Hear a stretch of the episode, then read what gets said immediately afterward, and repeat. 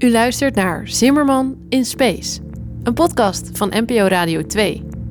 En het bijzondere is, ik weet het ook niet. Vandaag een aardig nieuwsbericht dat wat mij betreft interessant is, omdat het laat zien hoe wij, hoe geleidelijk dan ook, sprongen vooruit maken voor wat betreft ons begrip van het heelal. Het nieuws verscheen in oktober van dit jaar in de wetenschappelijke pers met de titel A Sun-like Star Orbiting a Black Hole. Letterlijk vertaald een op de zon gelijkende ster die om een zwart gat draait. No shit, Sherlock. Dit type stelsel van om elkaar draaiende objecten werd al wel verondersteld te kunnen bestaan, maar nu is het met grote zekerheid waargenomen. Voordat we het hoe en wat daarvan behandelen, eerst maar eens waarom dit überhaupt bijzonder is. Dat is logisch. Dat gooit ons gelijk weer terug naar de raadselachtigheid van zwarte gaten. Het is bekend dat zware sterren het leven kunnen eindigen als zwart gat. Maar er bestaat onder astronomen een sterk vermoeden dat dit niet de enige wijze is waarop een zwart gat geboren kan worden. Zo vinden we in het centrum van praktisch alle melkwegstelsels een superzwaar zwart gat, waarvan nog niet duidelijk is hoe deze ooit zijn ontstaan. Yet it's simple when you know how it works. Maar terug naar ons geval van vandaag. Oké. Als een ster als onze zon om een zwart gat cirkelt, dan is dat op zijn zachtst gezegd een merkwaardige situatie. This is a strange condition. Want waarom wordt deze ster dan niet verzwolgen? Nou, dat kan nog liggen aan de massa van zowel het zwarte gat als de massa van de ster in kwestie. Of de afstand waarmee zo'n ster om een zwart gat cirkelt. Oh ja, inderdaad. Maar als het zwarte gat ooit is ontstaan in een vurige supernova-explosie aan het einde van het leven van een zware ster, hoe heeft die zonachtige ster dat dan allemaal overleefd? Well, Dat is eigenlijk het grootste raadsel, want zo'n supernova, dat is geen kinderachtige hoeveelheid vernietigend geweld.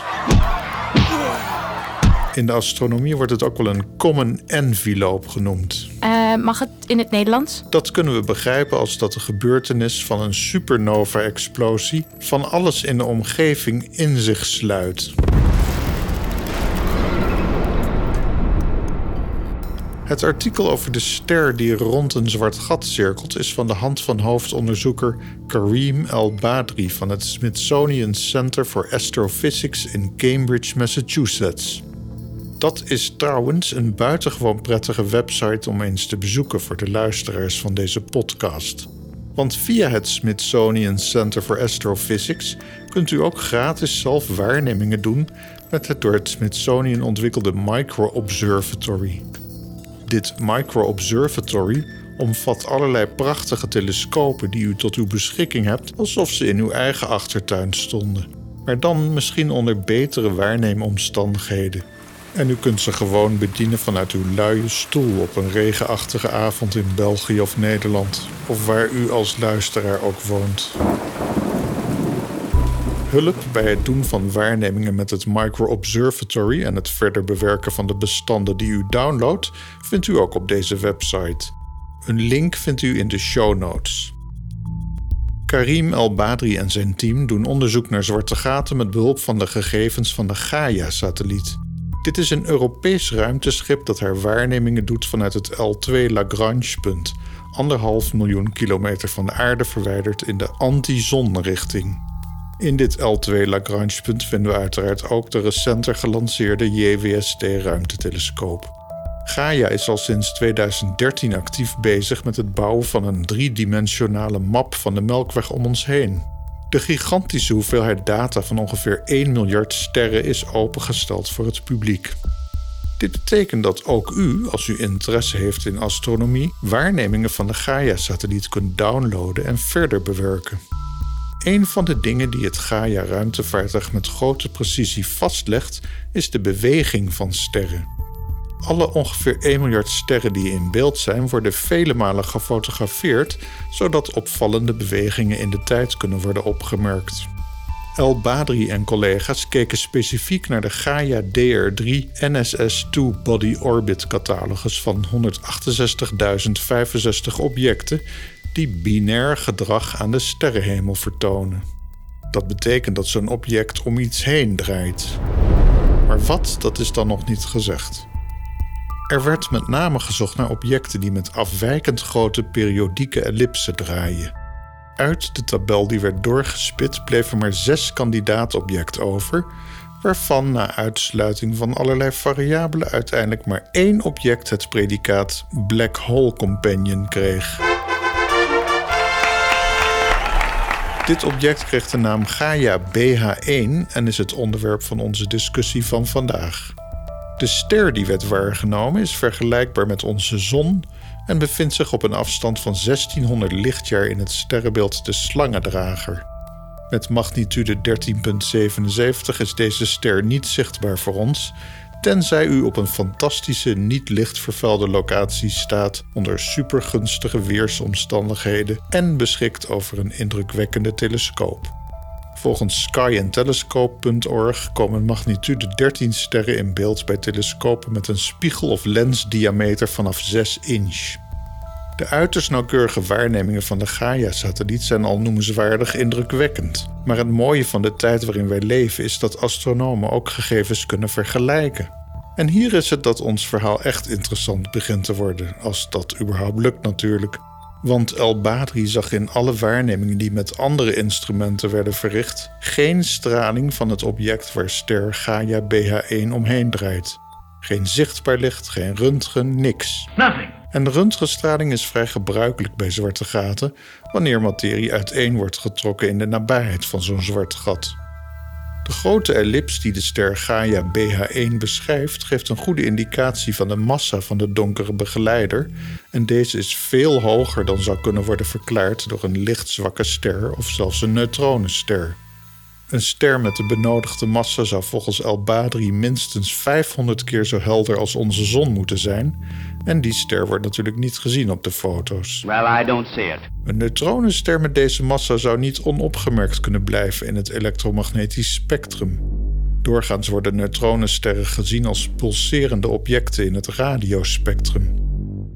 En dat werd niet gezien. Dus blijft er maar één conclusie over. De ster Gaia BH1 draait om een zwart gat.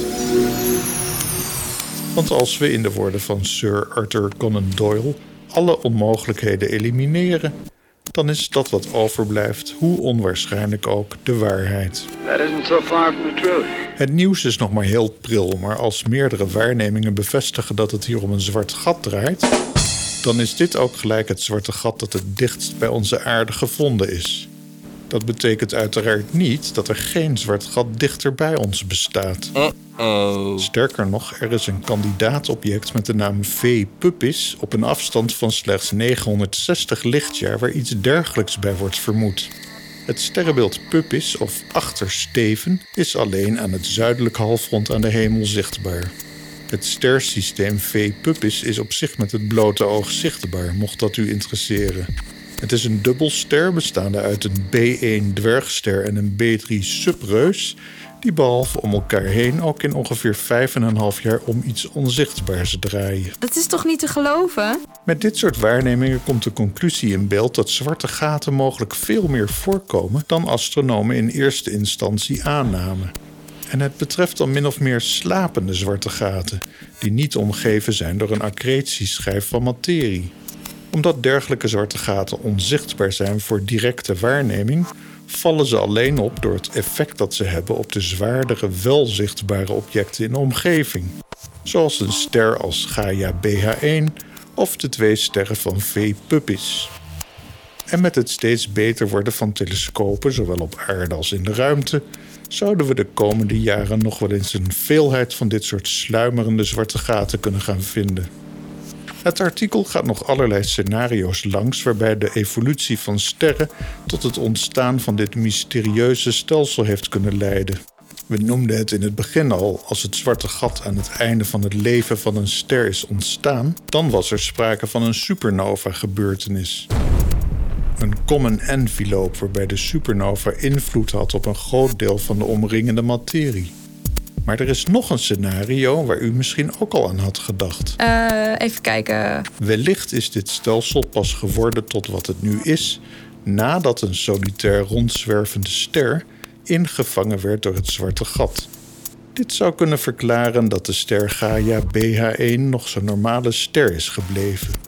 Wat in ieder geval zeker is, is dat er een hele nieuwe klasse binaire systemen in beeld komt door de prachtige instrumenten die astronomen tot hun beschikking hebben gekregen.